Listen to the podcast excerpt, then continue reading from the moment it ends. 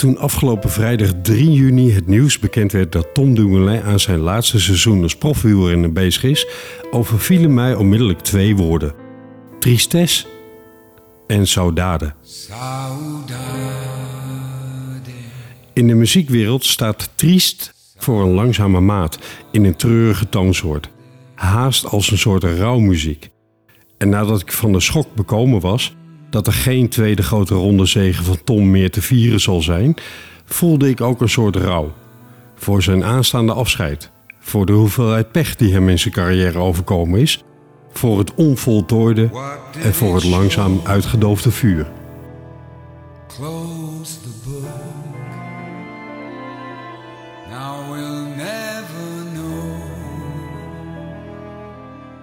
Maar tristesse beschrijft in wezen niet wat Tom zelf voelde.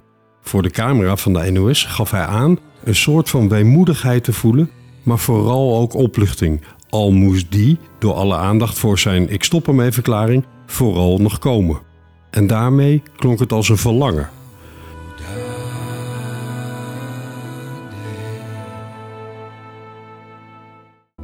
Grappig genoeg speelt het woord verlangen een belangrijke rol in Dumoulin's worstelingen met het zijn van een bekende wielrenner. Wij, de fans, de sportliefhebbers, verlangden zo graag naar meer van wat hij vanaf de Vuelta van 2015 liet zien. En toen dat in 2017 werkelijkheid werd, met zijn overwinning in de Giro, barstte dat verlangen uit zijn voegen. Met 10.000 stonden we op de grote markt in Maastricht een man te huldigen die daar zelf liever niet was. En ook niets begreep van onze bewondering. Het zijn van een held zei hem niets. Alleen voor kinderen wilde hij wel een voorbeeld zijn, in de hoop dat ze gaan sporten, maar daar niet eens topwielrenner worden. Vanaf dat moment verlangde Tom meer en meer naar een leven met opvallende en grootse prestaties, maar het liefst wel zo onopvallend mogelijk. Wars van ons verlangen bleef hij verlangen zich te kunnen meten met de beste en daar de betere van te zijn. Maar vanaf 2019 begon een periode waarin zijn ongemak als bekende topsporter niet langer gecompenseerd werd door zijn topprestaties. Door fysieke malheur achtervolgd na het uitvallen in de Giro van 2019 werd zijn verlangen haast net zo oninvulbaar als dat van ons, de fans. Hij wilde kunnen concurreren met de beste, het beste uit zichzelf halen, maar kwam eigenlijk nooit meer in de positie dat te kunnen doen. Het resulteerde in een break van het wielrennen in 2021, zijn overstap naar Jumbo-Visma ten spijt. In die break bleek zijn verlangen naar rust overwonnen te worden door zijn verlangen naar dat spelletje, het de beste kunnen zijn. Maar kreeg hij ook het besef dat de omstandigheden in het peloton veranderd waren. Hij reeg met een zeer gefocuste maar minimale voorbereiding nog Olympisch zilver aan zijn erelijst, maar had tegelijkertijd ook langer in ruststand moeten blijven. Tijdens de Giro van 2022 kwam het besef. Zijn verlangen was niet langer gestoeld op wat zijn lichaam in werkelijkheid deed en kon. Op een prachtige rol in de etappewinst van Koen Bouwman na kwam hij er niet aan te pas en juist dat past Dumoulin niet. Toen hij de pers te woord stond na zijn afstappen, had hij ook geen antwoorden op de logische gestelde vragen. Hoe nu verder? En kan je nog verder? Zijn lichaamshouding en blik werden samengevat in precies dat ene, bijna niet te vertalen woord. Weemoed? Melancholie? Heimwee? Nee, hij was de belichaming van precies dat ene woord. Saudade, het verlangen naar het onbestemde.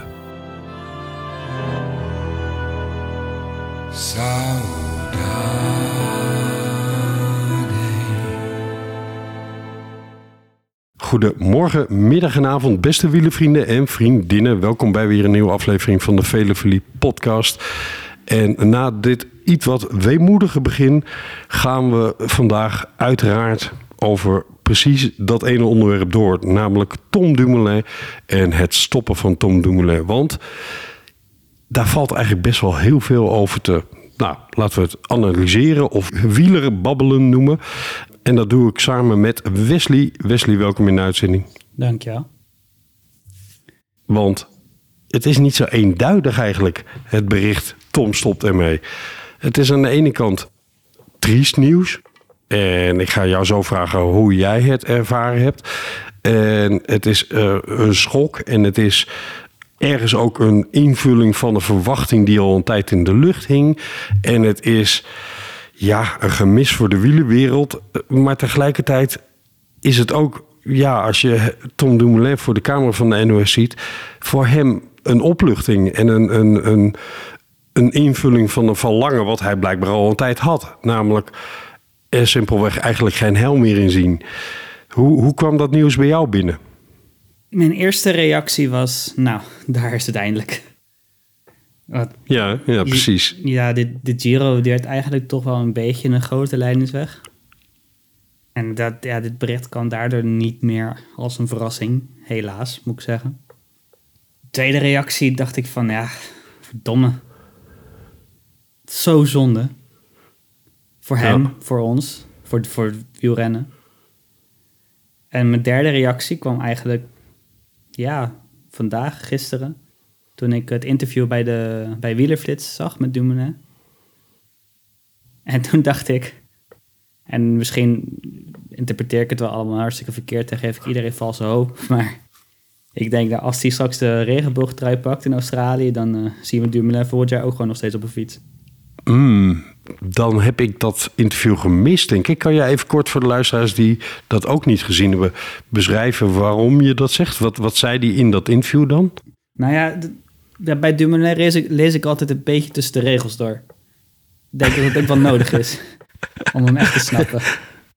Uh, hij spreekt gewoon altijd uit zijn gevoel en woorden matchen niet altijd met een gevoel. Dus vandaar dat ik dat doe. En bij mij kwam in het interview bij de Wielenflits heel erg naar boven van... Ja, ik had verwacht dat ik me nu beter zou voelen, maar dat doe ik eigenlijk helemaal niet. Fuck. Ja. Dat kwam bij mij, dat gevoel kreeg ik heel erg.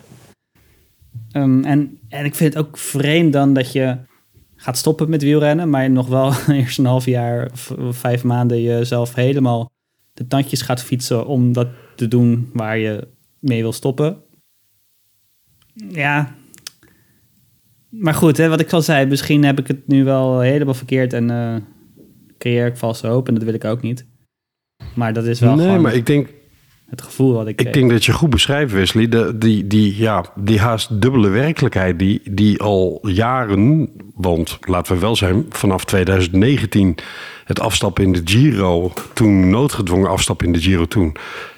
Ja, hangt dit eigenlijk al boven de markt. En de markt is dan het zijn van Tom Dumoulin als profwielrenner. En, en onze verwachtingspatroon daaromtrent en zijn verwachting over wat dat betekent en wat het inhoudt en waar die lol in heeft.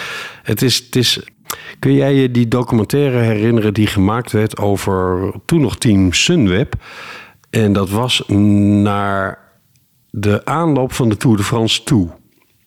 En dat was een documentaire gemaakt door Pau News, volgens mij.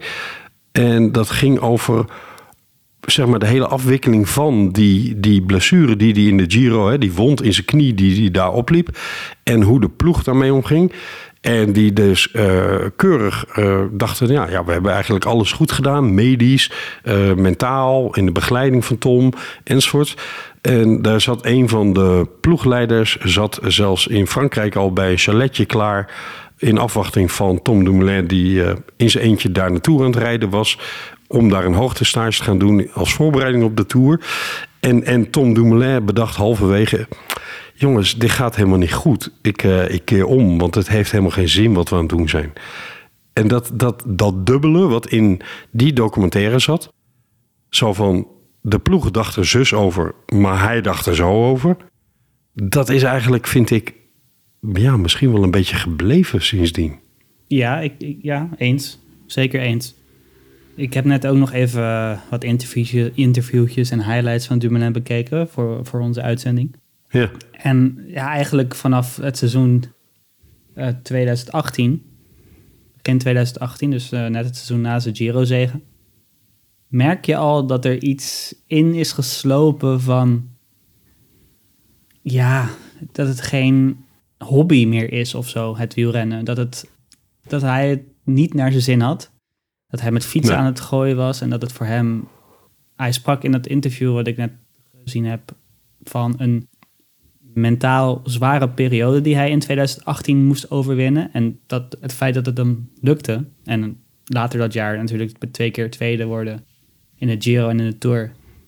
Voelde dat voor hem als een hele grote overwinning dat hij die mentaal zware periode kon overwinnen.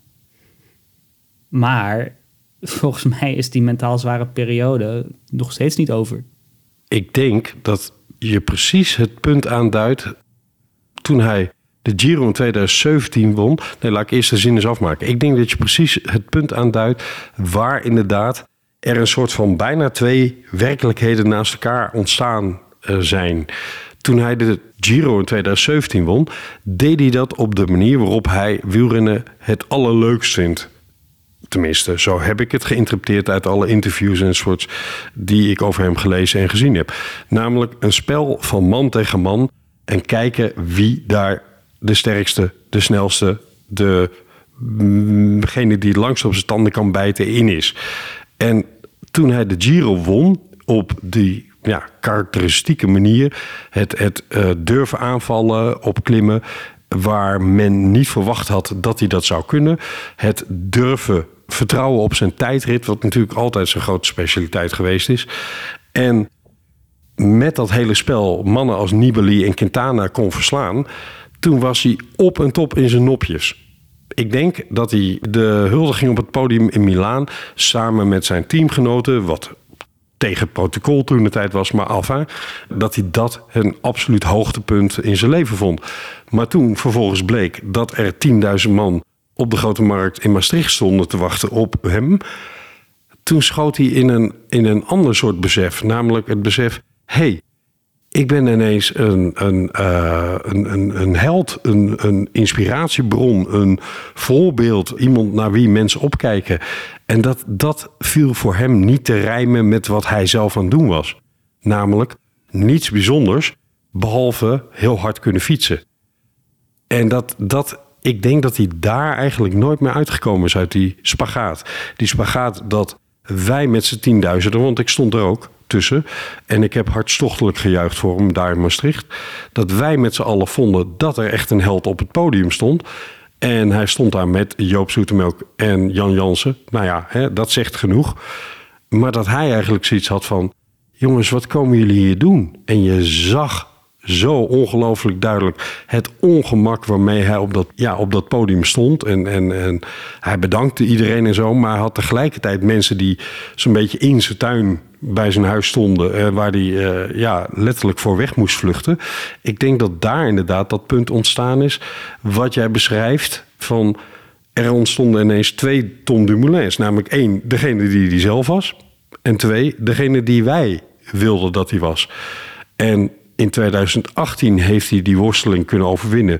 Doordat hij daar fysiek op en top was. Tweede in de Giro, tweede in de Tour. En ja, laten we wel zijn, in beide gewoon kans hebben. Want als het niet was dat Chris Room een, nou ja, mag het misschien niet zeggen voor de wielerliefhebbers. Want velen achten de etappe van Chris Room in de Giro van 2018 een van de mooiste alle tijden. Maar ik vind het nog steeds een lendisje.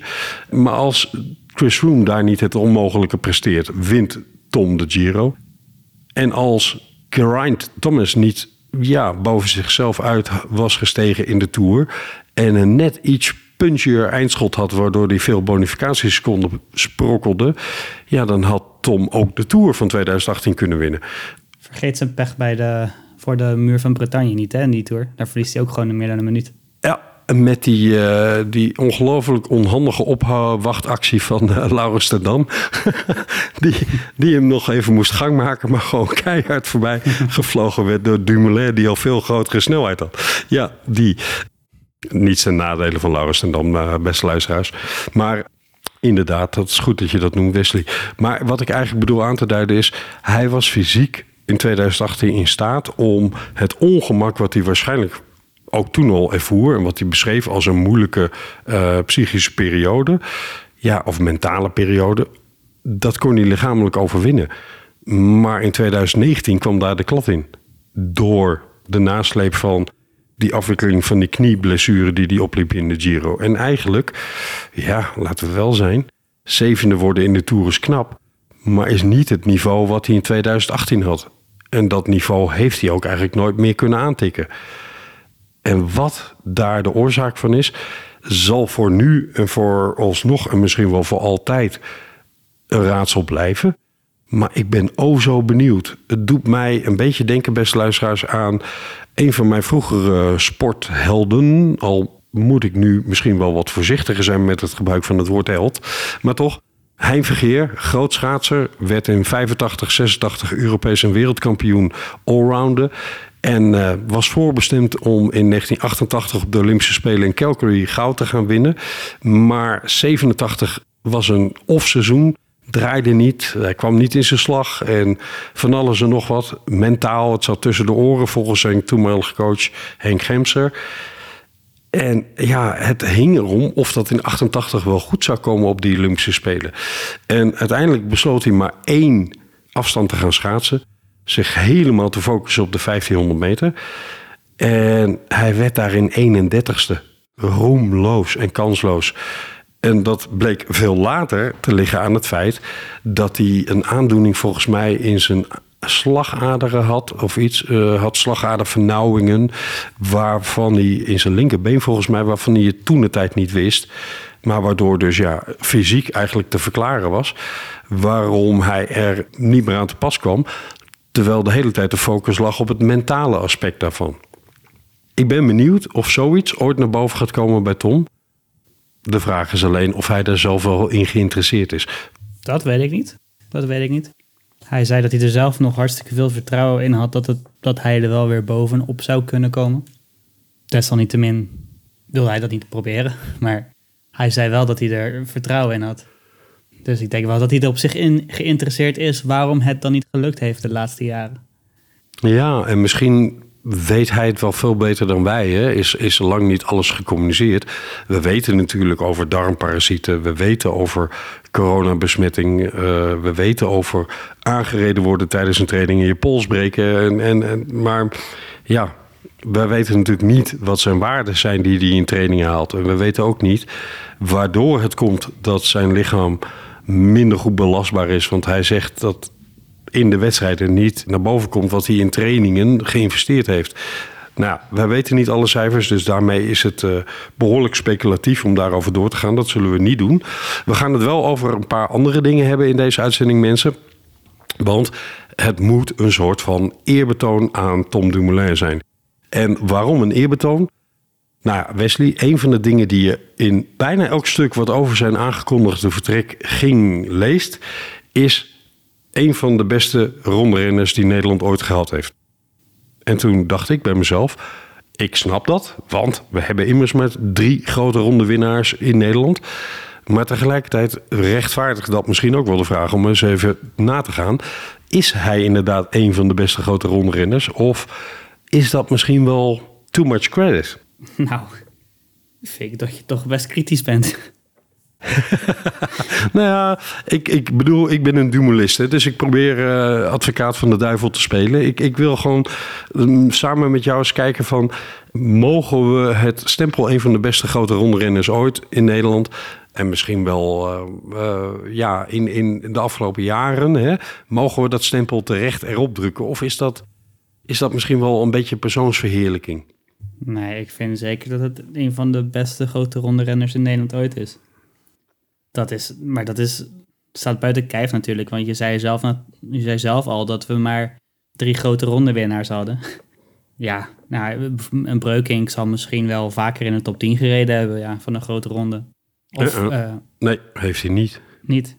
We rekenen even de Vuelta 2015, waarin hij zesde werd. Mm -hmm. We rekenen de Giro 2017. We rekenen de Tour en de Giro 2018. En we rekenen de Tour van 2020. Ja. Dan hebben we vijf top 10. Hè? En meer dan dat, maar vijf top 10 noteringen. Nou, die heeft Breuking niet bij elkaar gereden hoor. Nou, oké. Okay.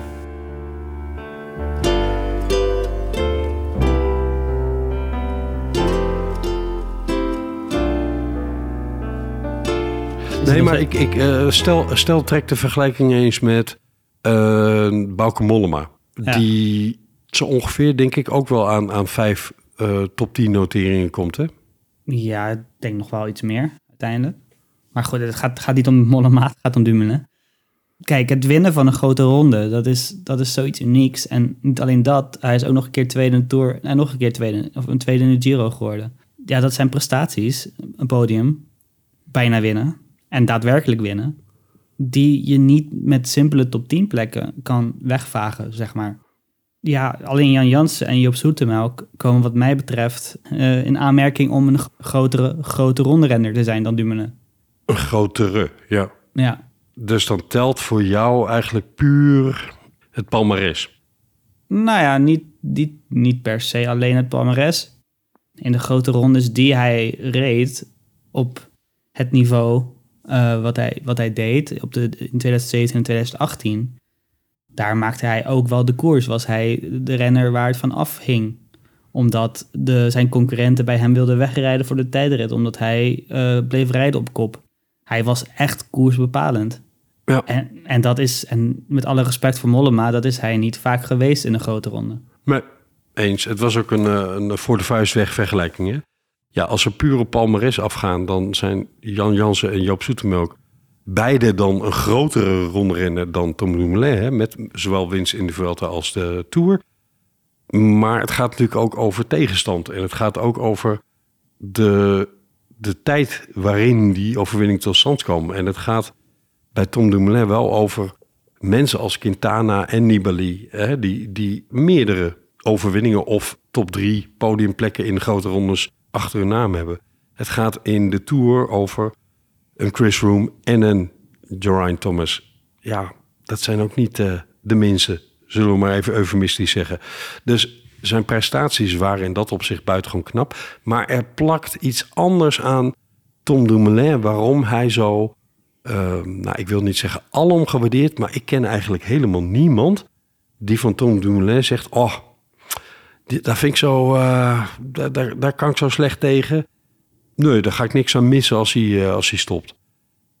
Hij heeft iets wat hem zo ongelooflijk aaibaar en, en uh, likable maakt. En, en wat vele mensen voor hem won. Hij is authentiek. Hij is als persoon is hij authentiek gebleven. En dat leidt nu misschien ook wel tot het stoppen van hem als wielrenner. Hij doet gewoon waar hij zelf zin in heeft. Hij zegt waar hij zelf zin in heeft. En hij volgt zijn eigen plan. En ik denk dat het dat heel makkelijk maakt om in hem te verplaatsen. Dat mensen naar hem kijken en naar hem luisteren en denken van nou, dat is gewoon nog een mens. Dat is niet een robot getraind door mediatraining. Dat is gewoon nog iemand die met zijn beide voeten op de grond staat en ja, soms wel heel kattig of koppig of, of naar uit de hoek kan komen. Maar ja, wie heeft dat niet? En ik denk dat dat hem heel, ja, ja inderdaad aaibaar en likable maakt. Op zijn geheel eigen manier.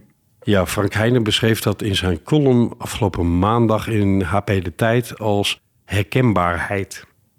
Hij kon zichzelf herkennen in Tom Dumoulin. En dat herkende ik dan wel weer. En dat beschrijf jij nu.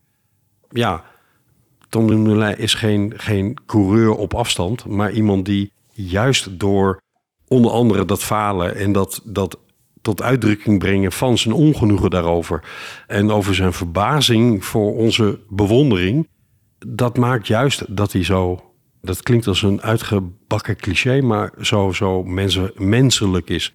En het maakt hem ook een beetje een underdog. Want ik weet nog dat in 2017 hij toch niet als topfavoriet van start ging hoor. En dat in 2018 eigenlijk ook niet. Want Chris Froome was de grote favoriet in de Tour. En dat underdogschap is misschien ook wel een, een aspect van waarom mensen het zo prettig vonden als hij wel won. Of een hele goede tweede plek neerzetten. Omdat het eigenlijk tegen de klippen op was. Ja, ja zijn, uh, zijn etappe-overwinning in de Vuelta in 2015 natuurlijk... Is, is nog wel het grootste voorbeeld daarvan... van het vechten in een underdog-positie op die steile beklimming waar hij twee keer ingehaald wordt en alsnog nog steeds uh, op het laatste moment weet te winnen. En het, uiteraard het beroemde Engelse commentaar het zelfs letterlijk tot uitdrukking brengt. Hè? He's a big man, he's a big TT rider. He's not supposed to do these things. Ja, dat, ja, ja, exact. En dat, dat maakte misschien wel dat, dat iedereen zoiets had van... oh, wauw, wat heerlijk dit. Ik ga even um, een kleine eh, switch maken, Wesley. Want ik, ik, ik wil je eigenlijk een stelling voorleggen. En eh, als jij. eh, nee, jij hebt ook een stelling die jij mij en de luisteraars gaat voorleggen. Oh, wil jij aftrappen of trap ik af? Je trap jij maar af. Oké. Mijn stelling is eigenlijk... Eike Visbeek, tegenwoordig performance manager bij Wanty Colbert... maar toen de tijd ploegleider bij Sunweb... is achteraf gezien, en achteraf is het mooi wonen... maar is achteraf gezien onmisbaar gebleken... voor successen van Tom Dumoulin. Oneens. Ik denk Ja? dat we te weinig informatie hebben om eh, die stelling in te nemen. Hij is eh, ja, uit- uiteraard heel erg succesvol geweest onder, eh, onder Visbeek. Maar ik denk dat Dumoulin zo erg zijn eigen persoon is en dat, dat mensen om hem heen maar een tot op zekere hoogte beperkte invloed hebben op de prestaties van Dumoulin. Ik, ik vind het nog steeds van een te groot toeval... dat Dumoulin in 2019 besloot weg te gaan bij Sunweb... en naar Jumbo te gaan... en Eike Visbeek Sunweb toen de tijd moest verlaten. Ik denk nog steeds dat daar samenhang in zit. Ja, maar denk je niet dat Dumoulin dat dan ook soort van wel beseft had dat hij eh, dat zijn succes deels in de handen lag van Visbeek? En had hij dan niet ja, Visbeek meegenomen of gegaan naar het team van Visbeek? Ja, goede vragen waar ik je geen antwoord op kan geven. Visbeek ging overigens toen naar Zeg Racing Academy, dus Oh ja. dat was geen optie. Nee. Dat is het enige wat ik wel kan beantwoorden. Er zijn natuurlijk niet zoveel ploegen die de Tom Dumoulin van 2019 konden betalen. Hè. Daar zijn er maar twee of drie van. Mhm. Ehm, en daarvan was Ineos er een. Toen nog Sky uiteraard. En eh, was ja, Sunweb er geen meer. En was Jumbo-Visma misschien wel voor Tom de meest aangewezen ploeg... omdat Marijn Seeman daar zat. Die hij natuurlijk ook nog kortzondig bij Sunweb tegengekomen. Toen nog Argo Shimano tegen was gekomen. Dus ik vind die overstap op zich wel logisch. Maar ik denk achteraf gezien dat Visbeek een van de weinigen is die hem echt met, echt met hem heeft kunnen lezen en schrijven. In ja, toch wel die ingewikkelde persoonlijkheid die Tom Dumoulin ergens blijkt te zijn. Ja, ja, zeker weten zullen we het niet doen, in ieder geval. Maar je zou Nee. best gelijk kunnen hebben. hoor. En, en, onderschat ik eh, de invloed van Visbeek. Maar ja, ik, ik denk dat we te weinig informatie hebben om, eh, om die stellingen blind in te nemen. Ik wilde eh, toch nog een punt achter zetten door, achter mijn stelling, door te zeggen: kijk naar het succes wat Wanty Colbert dit seizoen ervaart. En ik denk dat Visbeek wederom een grote vinger in de pap heeft, dienaangaande. Maar goed, we zullen er verder niet over speculeren. Feit is wel dat vanaf het uit elkaar gaan van de combinatie Visbeek en Dumoulin... het eigenlijk niet meer gelopen is zoals ze hadden gehoopt dat het zou zijn gelopen. Maar goed, dat kan ook een toevallige samenloop van omstandigheden zijn geweest. Wat is jouw stelling, Wesley? Mijn stelling is, met een langere sabbatical was Dumoulin langer profielrenner gebleven. Ja, eens. Maar dat, dat, daar is hij het zelf ook mee eens. Ja, dat zei hij zelf ook wel. Dat, tenminste, hij zei dat niet zo. Hij zei dat hij zijn sabbatical te kort was. Omdat eh, hij eh, Ja. heel graag de Olympische Spelen wilde fietsen. Het klinkt natuurlijk, het is ook wel logisch eigenlijk. Hè? Hij wil niet langer gestopt zijn met wielrennen, omdat hij gewoon simpelweg wil wielrennen. Ja, dan, ja, dan, dan stop je met je sabbatical. Dat, dat, dat is eigenlijk 1 plus 1. Maar ja, dat, blijkbaar had zijn fysieke gesteldheid het nodig om langer te stoppen. Ja, dat, dat, dat zou kunnen. Ik, ik, ik weet het niet. Opnieuw mis ik daar de, de info voor. Maar hij zegt zelf dat het heel veel tijd zou kosten om weer een stabiele Dumoulin te zijn op topniveau. Ja, die tijd heeft hij niet genomen. Eh, ja, hij heeft eraan toegevoegd dat zelfs met een lange periode van rustig opbouwen... er nog steeds geen garantie zijn Nee, nee. dat hij weer de oude zou worden. Maar dat het wel minimaal vereiste zou zijn, ja. Ja, maar dat, hij had er wel heel veel vertrouwen in, dat zei hij wel. Ja, maar ook hier zien we weer een beetje dat dubbele. Want ehm, enerzijds zegt hij, ik wil dat niet meer. En dat kan ik me na de afgelopen jaren op zich levendig voorstellen. Want hij is in wezen al vanaf 2019 constant bezig met een comeback. En anderzijds heeft hij dus niet meer die, die voldoening en die prikkel gehad... die hij in 2017 vooral, maar in 2018 natuurlijk ook nog met twee tweede plekken wel ervaren heeft. Namelijk, wat een leuk spelletje is dit. En eh, ik behoor hierin tot de allerbeste die er rondrijden.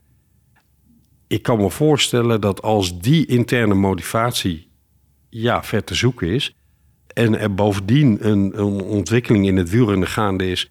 die het ook met, uh, nou, ik wil niet zeggen dag... maar toch, toch met het jaar onwaarschijnlijker maakt... dat hij met zijn allerbeste niveau nog steeds tot die allerbeste coureurs behoort ja, we hebben het al in, uh, in onze aanloop naar de Giro uh, een keer gezegd. Tom Dumoulin is geen renner die een top 20 kan rijden in de grote ronde. Dat kan hij gewoon simpelweg niet. Het is voor hem minimaal top 5 of het is niks. En dat, dat, dat uh, maakt ook dat hij die hoogtepunten in zijn carrière heeft gehad. Omdat hij dat alles of niks als mentaliteit heeft. Maar het maakt tegelijkertijd het niks ook heel erg niks, als je snapt wat ik bedoel. Ja, ja eens. Dat, dat, dat blijkt hè, uit dit. Het is, Jeroen gooide in onze groepsapp de opmerking... moet hij niet wat minder twijfelen en, en uh, klagen enzovoort... en een voorbeeld nemen aan Chris Froome... die gewoon maar positief blijft en blijft knokken... en zelfs positief over een 78ste plek kan zijn... En dat, dat duidt nou juist precies het verschil aan tussen Chris Froome en tussen Tom Dumoulin. Voor Tom Dumoulin is dat helemaal niks. Nog minder dan niks. En dat is voor hem geen motivatie om door te gaan. En dat wij er lol aan hebben dat hij doorgaat, zegt hem ook helemaal niks. Nee, klopt. Plus, ik denk dat het Froome krijgt nog steeds 4,5 miljoen per jaar voor die 78ste plek. ik denk dat dat Dumoulin ook minder uitmaakt als ik hem uh, zo een beetje ja, niet ken, maar zo een beetje zie. Want ja, anders zou die natuurlijk ook gewoon nog doorgaan. Hij zal heus nog ergens anders een miljoen per jaar kunnen verdienen. Nee, het, Zeker, het gaat, waren genoeg ploegen. Ja, het gaat bij Dumoulin uh, vooral echt om zijn eigen verlangens, zoals je dat al uh, mooi zei in het begin. Het gaat om zijn uh, intrinsieke motivatie en zijn eigen verlangen om dat spelletje haast op anonieme wijze te kunnen doen met mannen die volop in de belangstelling staan. Ja, dat is een spagaat die heel lastig is. Maar terugkomend op jouw stelling, zou die met een langere rustperiode weer uh, of een langere wielencarrière hebben gehad? Even vooropgesteld dat hij niet terugkomt op zijn besluit, zoals jij eerder uh, hoopvol aanduidde. Misschien wel, maar tegelijkertijd denk ik dat hij ook het type mens is die met een langere rustperiode meer zou hebben genoten van het feit dat hij niet meer al die inspanningen hoefde te doen.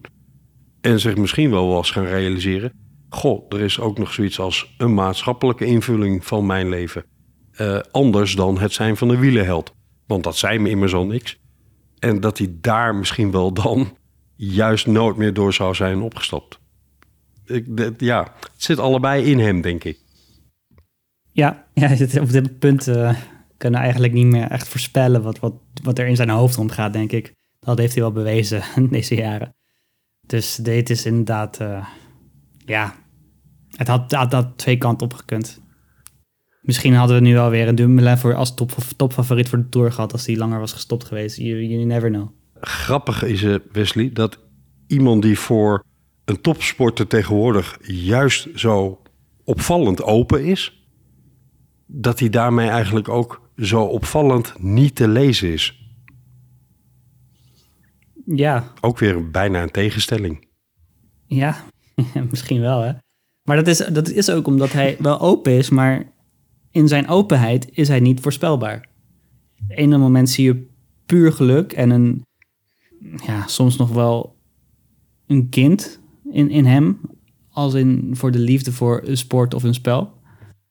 Maar op andere momenten zie je weer ja, een, een chagrijnige puber die met zijn fiets staat te spijten en alles journalisten aan het afkappen is. Of Roglic die in de Tour een rit wint met een motor voor hem waar Dumoulin absoluut niet tegenkomt.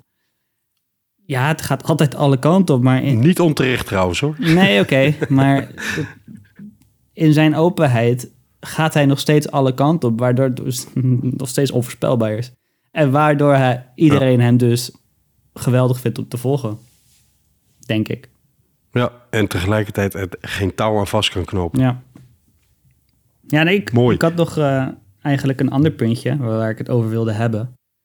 En dat is eigenlijk eh, ja, een goed punt van een vriend van me. Jorn heet hij. En hij zegt, jammer dat die Nederlandse toppers in de sportwereld... eh, die het verschil maakten, eigenlijk altijd met fysieke en mentale problemen... hun carrière moeten stopzetten. En hij geeft daarbij het voorbeeld van Richard Krajicek, Marco van en eh, Arjan Robben. En dat is nu Tom Dumoulin in, in de wielerwereld ook een, hele, een heel vroeg einde van een topcarrière heeft. En eigenlijk maar enkele jaren echt gerendeerd heeft in zijn, eh, in zijn, topniveau. En dat vond ik wel een, een interessant, maar ook trieste werkelijkheid eigenlijk. Zegt dat iets... Ik vind Robben daar overigens een beetje vreemde eend in de bijt hoor. Maar eh, zegt dat iets over de mentale kracht van Nederlandse sporters of Nederlanders in het algemeen? Want daar kunnen we natuurlijk ook weer, ik weet niet hoeveel uitzonderingen op maken. Of is dat gewoon een, een toevalligheid? Ja, we hebben een aantal grote winnaars gehad. En met grote winnaars is het vaak ook wel zo dat die ook groot ten onder gaan. Omdat ze zo groot als winnaar zijn geweest.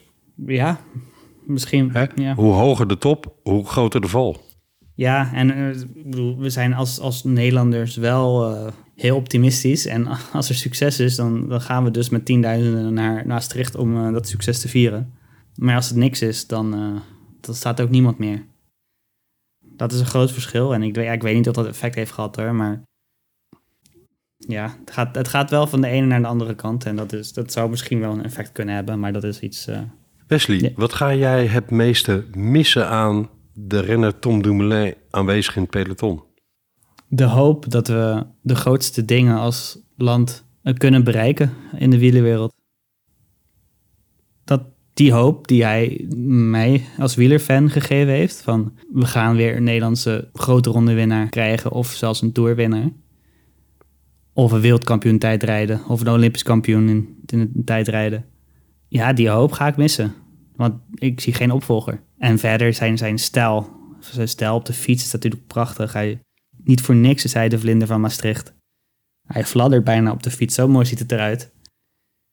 Ja, zoals ik net al zei, de persoon die hij in de media is als wielrenner.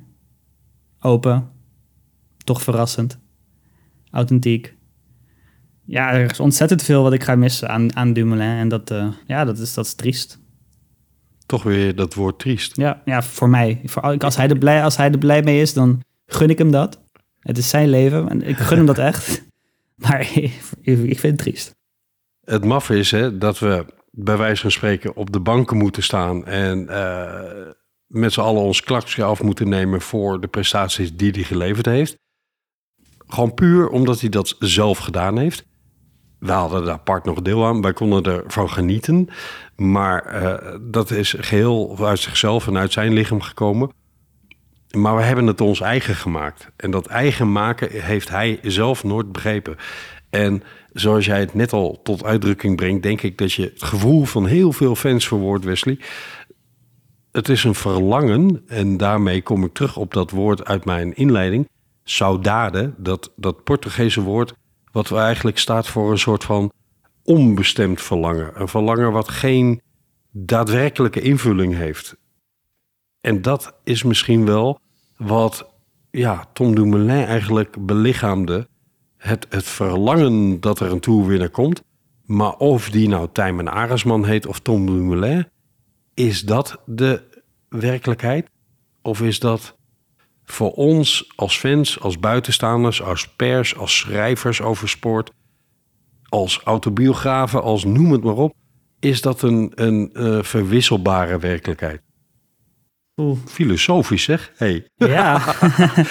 nee, wel een interessante discussie. Ik denk, wat ik al zei, ik denk wel dat de persoonlijkheid van Dumoulin echt wel een rol heeft gespeeld in, in, in de, de, de massa fans die, eh, die opstonden. Zeker, ja. Eh, ik, heb vrienden van mij over Dumoulin horen praten die verder nooit naar het wielrennen gekeken hebben. Nu ook niet met Van der Poel. Maar door Dumoulin kregen ze wel echt wat mee en daar, daar zeiden ze ook wat over. Maar ja, of, ja een Arendsman, denk ik, ja. Hoewel Arendsman ook wel weer een leuke persoonlijkheid heeft. Die is ook wel weer zichzelf. Dus daar geef je inderdaad misschien een voorbeeld die misschien toch wel een opvolger van Dumoulin zou kunnen zijn. Maar ja, er speelt wel iets in Dumoulin, rondom Dumoulin, wat hem zo inderdaad aaibaar en likable maakte. En dat, dat, dat speelt mee. In het Ja, onbevredigde ik verlangen. Dat, ik denk dat dat hetgene is wat we het meest gaan missen als fans. Dat, dat moeilijk aan te duiden in, in slechts een paar woorden. Maar dat, dat aspect van wat om Tom Dumoulin heen hing en hangt. Als zijnde tegen wil en dank onze held. En dat, en dat maakt, ja, eh, de meeste sporters zijn terecht, want anders is hun sportcarrière op los zand, drijfzand gebaseerd. Maar de meeste sporters zijn van nature nogal overtuigd van zichzelf en van nature geneigd alles aan twijfel buiten te sluiten. Want als je al aan jezelf twijfelt, hoe moet je dan zelf geloven in het feit dat jij de beste kan zijn? En Tom Dumoulin leek juist die twee onverenigbaarheden wel te kunnen verenigen met elkaar. Namelijk de overtuiging dat hij dat spelletje kon winnen. En tegelijkertijd de realiteit dat dat, dat kan, maar het kan net zo goed niet. Dat, dat maakte hem aards of zo. En dat maakte hem, klinkt bijna alsof, hij, eh, alsof dit een, eh, memoriam is. Dat is het niet, maar wel voor zijn wielencarrière. Eh, wat ik van harte hoop voor Tom Dumoulin... is dat die saudade in hemzelf, dat, dat verlangen... waar meerdere invullingen aan kunnen zitten... maar juist het verlangen dat hem dat in zijn maatschappelijke carrière bevrediging gaat geven. En ik moet daarbij denken aan een interview wat ik mocht bijwonen met Maaike Het, de Olympisch gouden medaillewinnaar bij het roeien. En die een prachtige carrière ehm, ja, in de medische wereld aan het doen is. Niet voor niets moet ik aan haar denken, want en zij woont in Maastricht. En, daar woont Tom Dumoulin natuurlijk vlakbij en komt hij vandaan. En Dumoulin heeft een medische kring om zich heen. En eh, heeft dat verlangen ook wel eens uitgesproken, hè, dat hij eh, medicijnen wilde gaan studeren. Ik hoop dat hem in de toekomst gegund is dat hij een, eh, een fantastisch arts of iets dergelijks mag worden. Of wat het ook gaat worden. Maar dat het hem geluk brengt. En dat hij in de toekomst ja, van zich af kan werpen. Dat wij met z'n allen belangstelling zullen hebben voor wat hij aan het doen is. Want hoe die het wendt of keert, hij kan proberen volledig in de anonimiteit op te gaan. Maar hij komt nooit meer van het stempel af winnaar van de Giro 2017. Ja, ik zou eh, dit eigenlijk alleen maar willen onderschrijven. Mooi gezegd, Camille. En daarmee kunnen we, wij als wielenfans, hem alleen maar dankbaar zijn. Dankjewel Tom. Zeker. Wesley, we komen duidelijk niet tot eenduidige conclusies. Had hij langer door moeten gaan? Is het terecht dat hij stopt? Gooit hij het bijltje er te vroeg bij neer? Je kunt elke vraag nog vier keer omwentelen. Ik denk dat we maar met één conclusie kunnen eindigen. En dat is dat wij als fans hem enorm zullen missen. Ja, dat. Maar ja, het lijkt me een super interessant iemand om een boek van te lezen. Om, om echt een, om ons mee te nemen in, in, in de gedachten die hij de afgelopen jaren gehad heeft. Het lijkt me ontzettend interessant en leerzaam. Misschien eh, is hij zijn tijd al ver vooruit met, eh, met deze stappen die hij zet, wie weet. Het is en blijft een, eh, een lastig onderwerp om eenduidig over te praten. Want het is een, een vertrek wat hem gegund wordt, hem, Tom Dumoulin. Want blijkbaar is het voor hem een opluchting om aan het gevecht dat hij de afgelopen jaren gevoerd heeft een einde te mogen maken. En het is voor ons als fans een groot gemis nu al. Hij zit nog op de fiets en hopelijk gaat hij de komende maanden nog een paar knalprestaties neerzetten. Eh, maar we zullen hem missen. Ongelooflijk missen, want wat een fijne vent was dat op de fiets. Dankjewel Tom. Zeker. Ja, ik, ja, ik ben er ook gewoon heel blank ingegaan in dit gesprek eigenlijk. Omdat ik, eh, net als Dumoulin, vooral mijn emoties wilde laten spreken. En dat, eh, ja, ik denk dat het wel gelukt is. Dankjewel Wesley. Wij melden ons weer met de volgende aflevering, want dit is een ingelaste aflevering. De mooiste grote ronde ooit van Jeroen. En we zullen ons daarna op de Tour gaan werpen, want er blijft nog zoveel moois om van te genieten. Onder andere met het aanstormende Nederlandse talent waar we het in de Giro al over gehad hebben. Dankjewel Wesley. Alla prossima. Vota. Ciao. Saudade. Saudade.